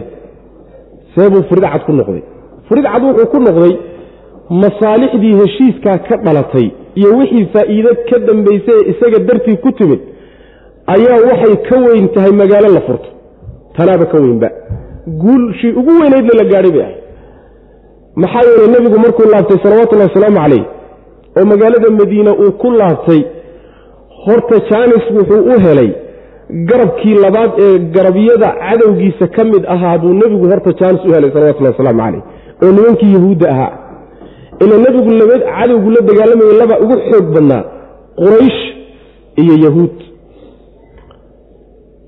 Nimankii reer quraysheed marka mar hadduu heshiis la galay oo xaggeeda aynan dagaal kaga furayn wuxuu u jeedsadoo culayska saaray marka yahuud buu culayska saaray. Sanadkii toddobaadba nebigu sal lay waslam khaybar buu ku dhardhaaray khaybar oo caasimadoodii meesha isugu tageen ahayd buu nebigu weeraray salawatullahi wasalaamu calayh. Halkaasuu ku soo yahuud. Waxaa kaloo nebigu sal lay slam uu jaanis u helay niman reer baadiye oo qabiilooyin fara badan oo magaalada madiine baadiyaheeda deganaa oo magaalada dhibi jira oo soo weerari jiray oo jaanis iyaguna raadin jiro wax dhici jiray kuwaana wuu edbiyey nebigu salawatullahi wasalaamu calayh. Ciidamo far badan buu u diray. Markaasaa qolo walba meeshoodii inta loogu tegey baa dhagaha laga soo garaacay waa jaanis weyn marka. Khatar weyn oo magaalada gudaheeda ka jirtay oo munaafiqiintii ana ayagana waxa way cagta hoostidaa gelgay wax xalli kara ma jiro. Ilan quraysh-taasaa la dugsanayey oo cadow oo dhan uu wada dugsanayo quraysh haddii heshiis la galay yacni waxa weye munaafiqiinta laftooda waa gabadeen. Munaafiqiinta laftoodii waa gabadeen. Masaalixda la helay bay ka mid ahay masaalixda la helay waxaa ka mid ahaa ee ka dhashay dadkiibaa isdhex galay oo waa laysu furmay oo muslimiintiibaa maka yimid oo qabaa'ishiibaa dacwada la gaadhsiiyey oo diintiibaa fiday si lixdii sane ee ay soo jirtay lixdii sane maa dhowr iyo tobankii sane ay soo jirtay muddadii hore oo dhan dacwadu intay kasbatay iyo laba sano gudahood oo heshiiskaasi uu jiray intay dad heshay labadaa sanaa ka dad badnaa waxaa markhaati kuugu ah nebigu sal alla alay wasalam maalintaa xudaybiya kun iyo afar boqoloo nin buu watay maalinta uu maka ku duuli doono oo sanadka sideedaad ah sanadka lixaad iyo sanadka sideedaad maxaa udhexeeya hal sana udhexaysa soo maa magaalada maka nebigu wuxuu kula duulay salawatullahi wasalaamu caleyh toban kun oo nin. Imisaa udhaxaysa marka? Soo farqi weyn maa muddadaa gudaheeda ayaa waxaa soo islaamay waxaan ka yarayn ilaa sideed kun oo ciidan ah. Haweenkii carruurta iyo iska da dadka kaleo dhan iska marka waa fatxi mubiin awey waxaa kaleeto iyadana fatxi mubiina ay ku tahay. Sumcadda muslimiinta u soo hooyatay oo iyadana wax weyn ahayd maxaa yeelay quraysh oo eriyada qabaaisha ka jirta ugu xoog badneed taqriiban laga haybaysan jiray. Inta gurigoodii loogu tegey haddayba nebiga heshiis la galeen waa ictiraaf. Sooma? Qawaaniinka hadda dawliga ah. Ninkii heshiis kula galo waa ninku ictiraafsan. wey mayna ictiraafsanayn nebiga salawatullah waslamu caleyh iyo dowladdiisa toona horaan. Ictiraaf wey marka. Weliba ictiraaf baryo ma ahe sandullaa lagaga keenay. Adduunkoo dhan bay wada gaadhay qurayshi wiilkii ay quudhsanayeen ayay heshiis la galeen. Ayadana waa wax weyn wey masaalix waaweynoo noocaasaa marka ka dhashay heshiiska isaga saa daraaddeed buu wuxuu ka qiimo badan yahay. Fatxi walba ka qiimo badan yahay. Fatxi mubiina saasuu ilahi ku tilmaamaya subxana wa tacala saas wey macana innaa anagu fataxna waanu furnay laka adiga ayaanu nebiga kuu furnay fatxan furid mubiinan oo cad. Oo iska cadoo nin walba u muuqato wey macna. Raggii waagii heshiiska dhaliilayey waagii dambe waxay dhihi jireen oy ku qanceen. Alalahi wixii ilaahay inoogu taliyay unbaa khayrku ku jira. Saas wey macna. Weligaa iyo allah haddaad adigu ay kuugu muuqato inay qallafsan tahay rabbiba meesha hadduu ka talinayo ama sharcigiisuu ka talinayo si kasta ha kuugu qallafsanaatee maslaxadu meesha unbay ku jirtaa. Saas wey macna. Laakiin adiga inayna kuu muuqanin baa laga yaabaa markaa iyadaa macna. Muxuu ilaahay kuugu furay? Liyakfira inuu dhaafo daraaddeed laka adiga allahu alle inuu kuugu dhaafo. Maa taqadama wixii hormaray oo min dembika dembigaaga. Dembigaagii hore inoo dhaafo. Maxaa yeelay takaaliifta iyo culaysyada nebigu salawatullahi wasalaamu caleyh uu xambaarsanayo yaa loogu dembi dhaaf. Iyo wamaa kii in lagu dhaafo ta'ahara dib maray dembiga waxa weeye nebigu sal lay waslam dunuub waaweyn maba geli jirine laakiin waxyaalo la yidhahdo khilaafu alwlaa siyaabo laga fiicanya laga fiicanya macnaha laga awlaysanya rususha waa ka dhacdaa. Marka ilaahay wixii dembigaagii hore iyo dembigaada waa dhaafay. Cid la qabto nebiga salawatullahi waslamu caleyh arrintaa iyada ma jirto.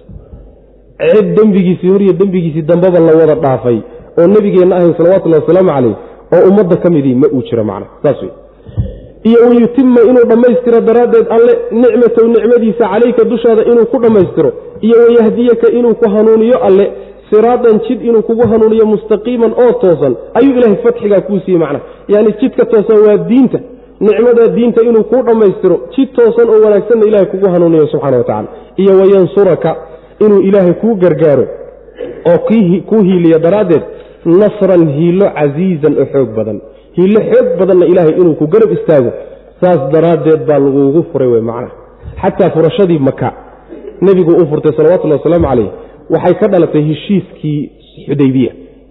Maxaa yeele heshiiskii xudaybiya markuu dhammaadayba laba qabiil oo qabaaisha waaweyne dhulkaa dega ka mid ahaa yaa qolana nebiga salawatullahi wasalam la jeel noqotay qolana quraysh bay la jeel noqotay. Niman khusaaca la odhan jiray nebigay la jeel noqdeen. Niman reer bani bakar la odhan jirayna yacni quraysh bay la jeel noqdeen sanadkaas sideedaad marka heshiiskii markay hal sane ka soo wareegto sannadkii sideedaad la joogo ayaa nimanka reer bani bakar la yidhaahda yaa waxay ku duuleen khusaaca. Markaasay dadka laayeen. Quraysh baa marka hoos hub ka siisay. Hoos bay waxoogaa taageera ka siiyeen.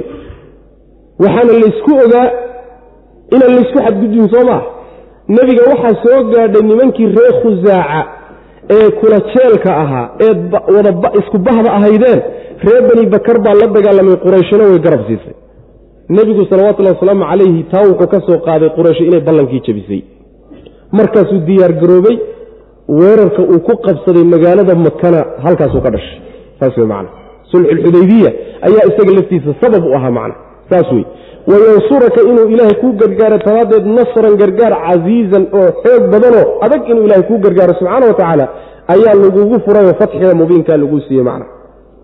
Huwa aladii anzla asakiinata fii quluubi almu'miniina liyasdaaduu iimaana maca iimaanihim wlilahi junuudu asamaawaati waalardi wa kaana allahu caliiman xakiima huwa alle alladii midka wey anzala dejiyey alsakiinata xasiloonida fii quluubi almu'miniina mu'miniinta qalbiyadooda dhexdooda midka xasiloonida dejiye wey maxaa loo dejiyey liyasdaaduu inay kororsadaan daraaddeed iimaanan iimaan inay kororsadaan. Maca iimaanihim iimaankoodii hore la jirankiisa. Welilaahi ilaahay keligiibuuna u sugnaaday junuudu samaawaati ciraryaalka ciidamadooda iyo waalardi iyo dhulka ciidamadiisuba. Wa kaana allahu allana wuxuu ahaaday caliiman midkii wax walba og xakiiman oo falsan buu rabbi ahaaday subxana wa tacaala. Muxuu saa u yeelayaa ilaahay qalbiga mu'miniinta uu xasiloonnida u gelinayaa liyudkhila inuu geliyo daraaddeed almu'miniina ragga mu'miniinta iyo walmu'minaati haweenka mu'minaadka jannaatin inuu jannooyin geliyo daraaddeed. Jannooyinkaasoo tajrii ay socoto min taxtiha hoosteeda alanhaar webiyaashu ay socdaan. Khaalidiina xaalay ku waarayaan fiiha jannaadka dhexdooda iyo wayukafira inuu qariyo oo macnaha dhaafo canhum xaggooda sayi'aatihim xumaanyaalkooda inuu u dhaafo daraaddeed. Wa kaana wuxuuna ahaaday daalika arrinkaasi oo in dembigaagana la dhaafo jannana lagu geeyo cinda allahi ilaa agtiisa fawsan liibaan buu ahaaday cadiiman oo weyn. Macnaha heshiisku haba qallafsanaado oo heshiis jawr iyo dulmi ku salaysan haba ahaadee laakiin haddana muslimiintu maynan kacdoon samaynin mana aynan gadoodin mana aynan ku gacan sayrin heshiiskii nebigu galay salawatullahi wasalaamu calayh si kastaba ha u qallafsanaade maxay taasi ku dhacday? Ilaahay baa qalbigooda xasilooni geliyey saas way macana qalbigooda ilaahay xasilooni dejiyey oo qalbiguu u dejiyey rabbi subxaana wa tacaala. Waxaa qalbiga loogu dejiyey iimaankii horay lahaayeen inay iimaan kale ku siyaadsadaan oo hadda markaad takaaliifta sharciga oo kugu culus markaad xambaarsato oo adigoo aad naftaadu ay karaahaysanayso haddana aad qaadato oo aad duuduub ku liqdaaye iimaan baa laga qaadaa oo iimaan baa macnaha laga siyaadsadaa horena iimaan bay u sii lahaayeen wey macna sidaas weeyaan. Ilaahayna subxaana wa tacaala waxaa u sugnaaday ciidamada samaawaadka iyo dhulalka wax alla waxa ciidamo joogoo dhan ilaahay baa iskale subxaana wa tacala ilaahay hadduu awoodo loomama soo direen nebiga lagumana mashaqeeyeene meel kalaaba lagaga imaan dhulkaaba lala goyn lahaaba ama malaa'ig baa lagu soo fasixi lahaa qaabkanuu ilahay hadduu doono ula dagaalami lahaa. Ama shimbiraaba lagu dira ama kaneecaaba lagu baabi'in lahaa. Rabbi subxaana wa tacaala ciidamadiisu fara badan marka allana subxaana wa tacala wax walbuu ogyahay xikmadna rabbi subxaana wa tacaala saaxiib buu u yaho shay walba meeshuu mudan yahay buu rabbi dhigaa subxaana wa mu'miniinta waxa qalbigooda xasiloonida loo geliyey oo ay ugu hoggaansameen go'aanka isagaa iyo heshiiskaas waxaa loo yeelay sidaa inuu ilaahay mu'miniinta ragga ah iyo kuwa haweenka aba uu geliyo jannooyin ay hoostooda webiyaashu socdaan ayagoo weliba ku waaray dembiyadoodana inuu dhaafo daraaddeed. Arrinkaasina wuxuu ahaaday liibaan weyn buu ilahay agtiisa ka ahaaday subxana wa tacala huwa alle alladii midka weye anzala dejiyey alsakiinata xasiloonida ayuu fii quluubi almu'miniina mu'miniinta qalbiyadooda dhexdooda ayuu dejiyey liyasdaaduu inay kororsadaan daraaddeed iimaanan iimaan inay kororsadaan maca iimaanihim iimaankoodii hore la jirankiisa. Yani waxa weyaan iimaanku waa siyaadaa oo wuu kordhaa sidaan habeen dhaweydba ka hadlayno macna welilaahi ilaahay keligii way u sugnaadeen. Junuudu samaawaati ciraryaalka ciidamadooda iyo walardi dhulka ciidamadiisuba. Wa kaana allahu allana wuxuu ahday caliiman midkii og wax walba xakiiman oo falsan buu ahday. Liyudkhiladaasi waxay ku tacalluqaysaa anzala asakiinata fii quluubi almu'miniin. Maxaa qalbigooda xasiloonnida loo dejiyey? Liyudkhila almu'miniina. Inuu mu'miniinta geliyo daraaddeed ragga ah waalmu'minaati iyo kuwa haweenka aba jannaatin jannooyin jannooyinkaasoo tajri ay socoto min taxtiha hoosteeda alanhaaru webiyaashu khaalidiina xaalay ku waarayaan fiiha dhexdeeda. Wayukafira iyo inuu tiro daraaddeed canhum xaggooda sayi'aatihim xumaanyaalkooda iyo dembiyadooda inuu u dhaafo wa kaana wuxuuna ahday daalika arrinkaas cinda allahi ilahay agtiisa fawzan liibaan cadiiman oweyn wayucadiba dadka mu'miniintaee horta u hoggaansamay ee amarka ilaahay qaatay insaan lagu abaalmariyo ta labaad waxa weeye wayucadiba waliyucadiba iyo inuu cadaabo. Almunaafiqiina munaafiqiinta ragga ah waalmunaafiqaati iyo munaafiqiin iyo kuwa haweenka ah waalmushrikiina ragga gaalada ah waalmushrikaati haweenka gaalada ah. Intaana inuu ilaahay cadaabo subxana wa tacala buu saa u yeelay. Addaaniina afartaasoo addaaniina malaynaya billaahi ilaahay danna sawi xumaan malaheed xumaan malaheed bay ilaahay u malaynayaan subxana wa tacala calayhim dushooda ha ahaato. Daa'iratu sawi xumaanta middeeda wareegta. Musiibada wareegta xumaanteedu iyaga ha ku habsato waqadiba allaahu ilaahayna waa u cadhooday calayhim dushooda. Walacanahum naxariistiisana waa ka fogayo wuu lacnaday wa acadda wuu u diyaariyey lahum iyaga jahannama. Jahanname ayuu u diyaariyey. Wasaa'at wayna xumaatay masiiran. Meel loo laabtana jahannama u xumaatay. Arrinta labaadi waxa weeye ee ilaahay uu arrimaha saa ugu maamulay qolo munaafiqiina jirtoo nebiga ka hadhay salawatullahi wasalaamu calayh. Markuu madiine ka soo tegayeyba oo uu maka ku sii socdayba munaafiqiintii waa ka hadheen nebiga sal alay slam waa diideen inay raacaan. Diidda cad oo qayaxan ma diidi karaane laakiin wax unbay ku marmarsoodeenoo way ka hadheen. Marka ay hadhayaan waxaa qalbigooda ku jiroy isleeyihiin ninkani sii socdee waalan isagiyo intan la socotaba waa la baabi'in doonaa. Waxba ka hadhi maayaan sidaa daraaddeed ha laga nabadgalo. Nin walowba lafahaaga ka badbaadi. Saasay isleeyihin malaha xunay ilaahay u malaynayaanna midkaa isagaa wey inuusan ilaahay nebigiisa iyo dadka diintiisa raacay garab istaagaynin malaha xuni kaawe oo gaalo intay ka adkaata ay wada baabi'in doonto malaha xunay ilaahay ka malaynayaan midkaa isagaa wey macana mala liito wey ninna dadkaaga iyo ehelkaaga iyo awliyadaada iyo xisbigaaga intaad garabkooda ka baxdo yaani ha u hiilina adoo awood u heli kara inaad u hiiliso faraha ka qaad. Waa xun wey xun wey binu aadamkay xataa dadnimo xumo ku tahay ilaahay subxaana wa iska daaya walilahi almasalu laclaa marka xun bay ilaahay u maleeyeen subxana wa oo mu'miniinta in la tirtiri doona nabiga la socota salawatullahi waslamu caleyh saasay ku hadheen macna. Waa la habaariyo. Waxaa lagu yidhi marka musiibada wareegtaay iyaga dushooda ha ahaato. Ilan musiibadu way wareegeysatahay yani musiiba markay kaa maqan tahay cid unbay haysataa baa layidhaha cid unbay ku habsantahay saasay u wareegeysaa marka musiibooyinka wareegaayey ayaga ha ku habsadeen. Saasaa lagu habaaraya. Ilaahayna waaba u cadhooday. Lacnadiisuna waa ku dhacday. Jahannamana wuu u diyaariyey. Meel loo laabtano jahannamaa u xumaatay.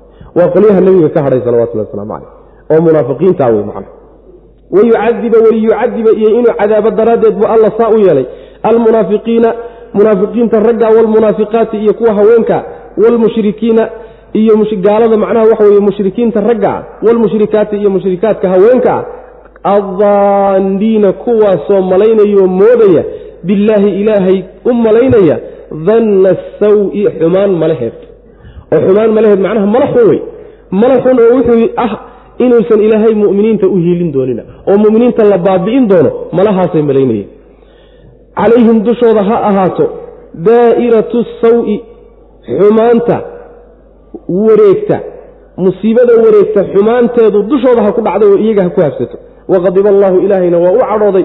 Calayhim dushooda waa lacanahum waana lacnaday. Wa acadda wuuna diyaariyey lahum iyaga jahannamo ayuu u diyaariyey. Wasaa'at wayna xumaatay jahannamo masiiran meel loo laabtay u xumaatay macna welilaahi ilahay keligiiba u sugnaatay. Junuudu samaawaati ciraryaalka ciidamadooda iyo walardi dhulka ciidamadiisuba wa kaana allahu allana wuxuu aday casiizan midkii haalib ah oo addoommadiisa ka adugan laysku taagi karin. Xakiiman midkii farsamo wanaagsanoo falwacan oo shay walba meeshuu mudan yahay dhiga wey macna ilaahay ciidamo muusan u waayin uu xisbigiisa ku garab istaago. Maxaa yeele wax alla waxa ciidamo dhul iyo cirtoogaaba isaga macnaha rabbi u taliya subxana wa tacala allana subxaana wa tacaala addoommadiisu iskumaba taagi karaan laakiin wuxuu xikmad buu ku socdaayoo rabbi waxbuu qorsheeyey. Ma degdegayo. Xikmaddii uu wax ku saleeyo oo wax ku qiimeeyo ku qorsheeyey buu rabbi ku wadayaa waa xakiim oo maanta mu'miniinta waa la soo celin. Heshiis qallafsan bay gelayaan. Meelaha qaarkood dharbaaxa ku dhacaysa. Meelo waa iyagaa ku adkaanaya laakiin waxaasoo dhan xikmad ilaahay iyo qorshe ilahay bay ku socotaa. Saas wey macnaa xakiim wey rabbi subxana wa tacala innaa annaga ayaa arsalnaaka ku dirnay nebiyow shaahidan xaal aad markhaati tahay oo ummadda aad ku markhaati kacayso. Wa mubashiran xaal aad tahay mid bishaaraynayo cidda ku raacday janno aad ugu bishaaraynayso wa nadiiran xaal aad tahay mid digaya oo gaalada ku diiday cadaab uga digaya. Litu'minuu inaad rumaysaan daraaddeed baanu kuu dirnay. Billaahi ilaahay inaad rumaysaan mu'miniintii iyo rasuulkii oo wada socdo waay. Litu'minuu inaad rumaysaan daraaddeed billaahi alle inaad rumaysaan iyo wa rasuulihi rasuulkiisa inaad rumaysaan. Wa tucaziruuhu in aad xoojisaan ood u hiilisaan. Wa tuwaqiruuhu inaad weynaysaan. Wa tusabbixuuhu inaad nasahdaan bukratan aroortii iyo wa asiilan galabtiiba. Ilaahay ayaa ku diray nebiyow sala allahu calayh wasalam adigoo ummaddan ku markhaati kacaya ila maalinta qiyaamada nebigu sal alay waslam ummaddiisuu ku markhaati kuci doonaa u bishaaraynaya ciddii ku raacdoo janno iyo abaalgud wanaagsan ugu bishaaraynaya uga digaya ciddii ku diidda iyo gaalada cadaab ilaahay iyo ciqaabtiisa uga digaya. Waxaanu kuu dirnay in aad rumaysaan adiga muxameda sal alay waslam iyo inta ku raacsanba ilaahay iyo rasuulkiisa inaad rumaysaan. Ilan isaga laftiisa nebiga salawatullhi wasalaamu caleyh inuu rasuul yahay inuu rumeeyo waa laga doonaya saas way macnaha. Iyo inaad weynaysaan inaad macnaha u hiilisaan. Tucaziruuhu yacni inaad xoojisaanoo u hiilisaan wa tuwaqiruuhu iyo inaad weynaysaan ood ixtiraamtaan iyo inaad nasahdaan galabtii iyo aroortiiba damaa'irtaasiyay u laabanaysaa marka tucaziruuhu iyo tuwaqiruuhu iyo tusabbixuuh hal meel in loo wada celiyaa fiican ilaahay u wada celi saas way macana tucaziruuhu aada xoojisaanoo aada u hiilisaan diintiisa aada u hiilisaan baa laga wadaa in tansuru llaha yansurkum oo kaleeto way macana tuwaqiruuhuna waa weynaynta ilaahay uu mudan yahay idinka mudan yahay. Wey waa nasahidda wey macana damaa'irta hal meel in loo wada celiya saasay ku fiicanta. Laakiin culimmada qaar baa labada hore nebiga u celinaya salawatullhi wasalaamu calayh wa tusabbixuuhu damiirkeedana alla u celinaya subxana wa tacala innaa annagaa arsalnaaka ku dirnay nebiyow shaahidan xaal aad markhaati tahay oo ummadda aad ku markhaati kici ood marag tahay wa xaal aad tahay mid bishaaraynaya oo cidda ku raacday janno aad ugu bishaaraynayso. Wa nadiiran xaal aad diga tahayoo inta ku diidayna cadaab aad uga digayso. Litu'minuu inaad rumaysaan daraaddeed baan kuu dirnay. Billaahi alle inaad rumaysaan wa rasuuli iyo rasuulkiisa wa tucaziruuhu iyo in aad u gargaartaan. Tucaziruuhu inaad u hiilisaan ood xoojisaan. Alla subxaana wa tacala oo diintiisa inaad xoojisaan baa laga wadaay wa tuwaqiruuhu iyo inaad ilaahay weynaysaan. Wa tusabbixuuhu iyo inaad u tasbiixsantaanoo xumaan iyo ceeb oo dhan ka nasahdaan bukratan aroortii iyo wa asiilan galabtiiba. Ina aladiina kuwa. Yubaayicuunaka kula baayactamaya nebiyow innamaa yubaayicuuna waxay uun la baayactamayaan. Allaaha alle ayay la baycoonayaan oo beecada la gelayaan. Yadullaahi ilaahay gacantiis ayaa fowqa aydiihim gacmahooda dushooda dusheeda. Gacmahooda dushooda gacantii ilaahay baa ah. Faman nakasa ninkii jebiya ballanka oo ballanka buriya fa innamaa yankusu wuu un buriyey. Calaa nafsihi naftiisa dusheeda unbuu ballankii buriye wey macana naftiisa unbuu dusheeda ballankii ku buriye cid kale wax ma yeeli waman awfaa ciddii ka soo baxdo oofisa bimaa shay ciddii oofisa caahada uu kula ballamay calayhi dushiisa allaha alle. Ballantuu ilaahay la galay ninkii oofiyana fasayu'tiihi alla wuu siin doonaa ajran ajri buu siin doonaa cadiiman oo weyn. Beecadani waxay tilmaamaysaa beecooyinkii nebiga sal alay waslam lala geli jiro. Beecada macnaha heshiis waaye laakiin waa heshiis gacanta laysgelinayo gacanta laysu dhiibayo wey macna. Sidaa iyo sidaa iyo sidaasaan isku ognahayoo ku wada heshiinaynaa ballan ku gelaynaa wey macna. Ballan la wada gala wey marka saxaabadii nebiga ballanta la gelaysay salawatullahi wasalaamu calayh yaa meeshan lagu ammaanayaayo ballantaa inay ilaahay la galeen baa la tilmaamaya. Kuwii kula ballanta kula gelayey oo aada heshiiska wada gelayseen oo saxaabada ah waxay ballan la galeen alla subxaana wa tacaala maxaa yeele nebigu yuu matalaya ilaahay buu subxaana wa tacaala uu sharcigiisii buu matalaya allah soo diray. Wuxuu ilaahay faray unbuuna soo gudbinayaa. Haddii beeco gala uu yidhina amar ilaahay buu beeco ku gala u leeyahay. Marka iyo heshiiskan iyo ballankan ilaahay bay la gelayaan xaqiiqadu sidaas wey macnaha ilaahay gacantiisaana gacmahooda dushooda ahaatay. Waxaa la ta'kiidinayaa oo la xoojinayaa ballantu inay ilaahay la galeen subxaana wa tacaala xaqiiqada saasaana loo daynaya la leexleexin maayo hadalka daahirkiisa iyo sidiisaa laga duwi maaye gacanta ilaahay gacmahooda waa ka sarraysa waana sidaasoo ilaahay subxaana wa tacaala gacan waa leeyahy mid u qalantuu leeyahy ta addoommada aan u ekayn cidna aan shabihin ceebna aan ahayn isaga cadamadiisa iyo weynankiisa iyo jalaalkiisa u qalanta taasuu rabbi leeyahay subxaana wa tacaala. Seebay u taallaa marka ma keenayso marka gacanta alle gacantooda gacmahooday dul saarnayd. Ma keenayso inay saa ugu dheganta? Saa inay ugu dhegan tahay ma keenayse shaygu haba kaa sarreeye waa ku dul saaranya sabadu waa inay dul saaran tahay soo maa saas way macnaha. Ma aha gacantii ilaahay baa dul saarnayd gacmahooda. Waxaa laga wadaa ilaahay gacantiisa iyo daatadiisu kulli makhluuqoo dhan bay ka sarraysaa. Ujeeddada la leeyahayna waxa weeye in la xoojiyo oo ballantan loo muujiyo inay ilaahay la galeen subxana wa tacala taa un baa la ta'kiidinaya. Hadalku laakiin waa daahirkiisa ilahay gacantiisa waleeya subxana wa tacala lama eeli karo lama duwi karo macna. Waa la sii wada waxaa la yidhi ballantaa ninkii jabiyow oo ballantaa nebiga lala galay ka baxow. Isaga unbaa ballantaa dushiisa ku jabiyeyo. Wixii ka yimaado oo dhib iyo ciqaaba isaga unbay ku ekaan wey macna. Isagaa isdhibay ninkiisa ballantaa ka soo bax oo ballantuu ilaahay la galay oofiya ninkaasi ilaahay agtiisa ajir aad u weyn buu ku leeyahay oo rabbi siinaya subxaana wa tacala saas wey macna marka nabigeena sal ly slam beecaduu la geli jiray. Saxaabada ridwanullahi calayh haweenka gooni buu beeca ula galay. Siday noo imaan doonta? Raggana nebigu sal lay waslam beeca la galay beecooyin dhowr ah. Iyuu nebigu saxaabada la galay ridwaanullahi calayhi macna. Ina aladiina kuwa yubaayicuunaka nebiyow kula ballantamaya oo kula beecada kula gelaya inamaa yubaayicuuna waxay beeca la gelayaan allaha alle maxaa yeele adigu allaad ka socotaayoo allah ku soo diray ood amarkiisa ku socotaa wey macna. Yacni keliyata uu waxaa tahay fariintii unbaad soo gudbinaysaa yadullaahi ilaahay gacantiisaana fowqa aydiihim gacmahooda dushooda ah. Gacmahooda gacanta ilaahay baa ka sarrayso caadatan waxaa a dadku markii ay macnaha waxa weye beecada la gelayo in gacmaha laysa saaro. Saas wey macna. Waxaa laga dhigayaa.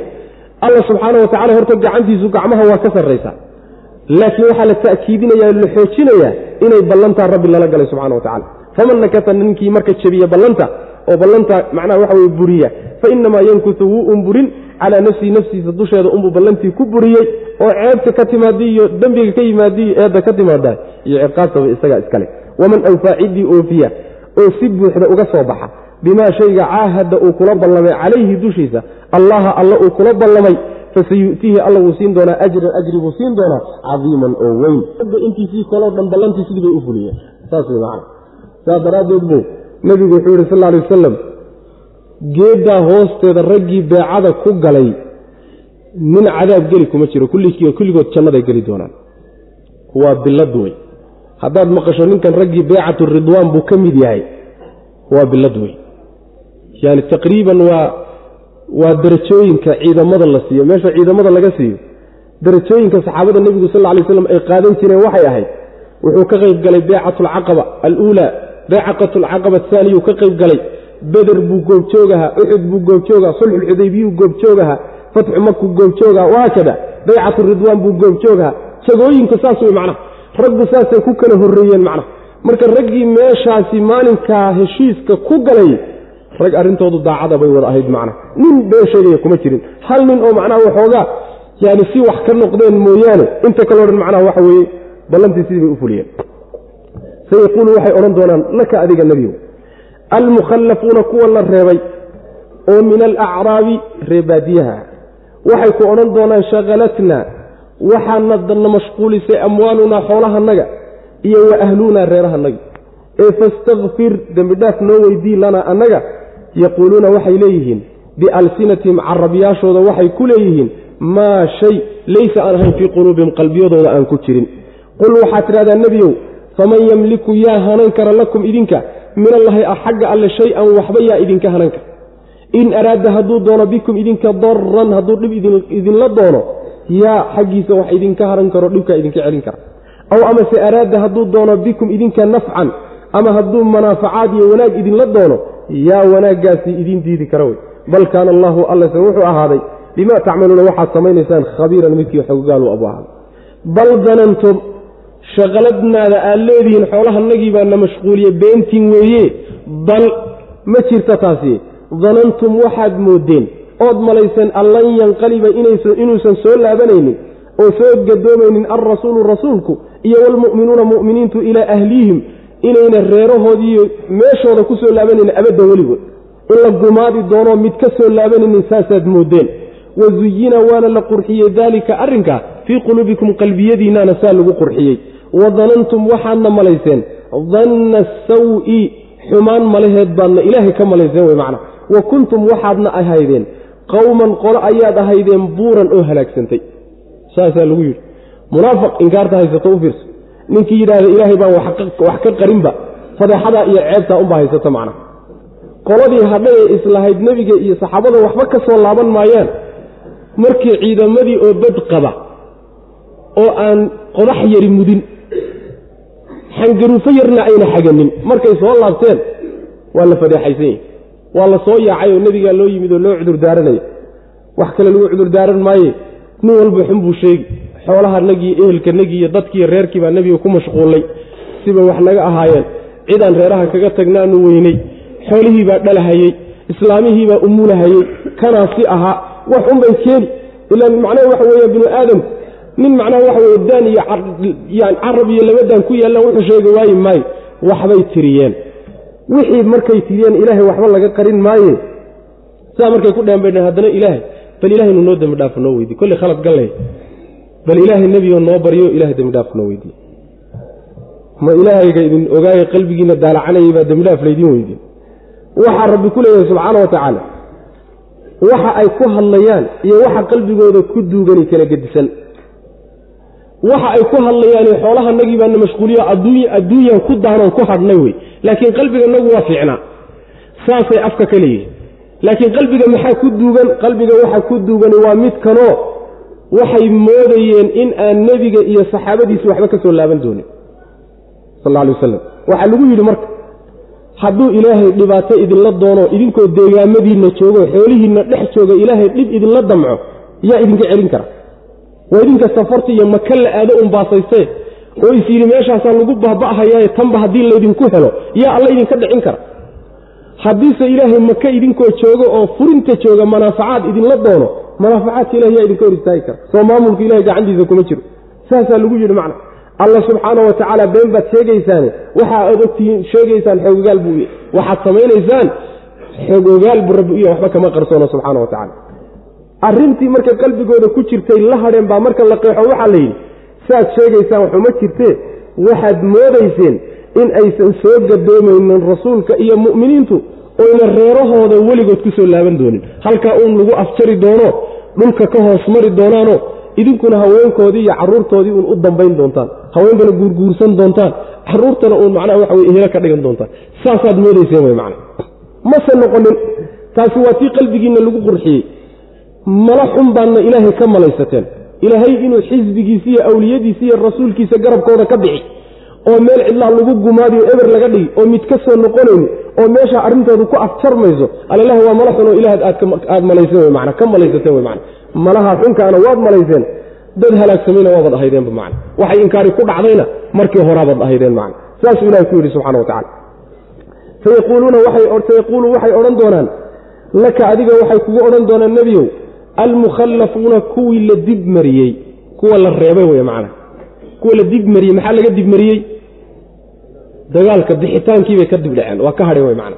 Kuwa la reebay. Qadar ilaahay bay ku hadheen wey macna.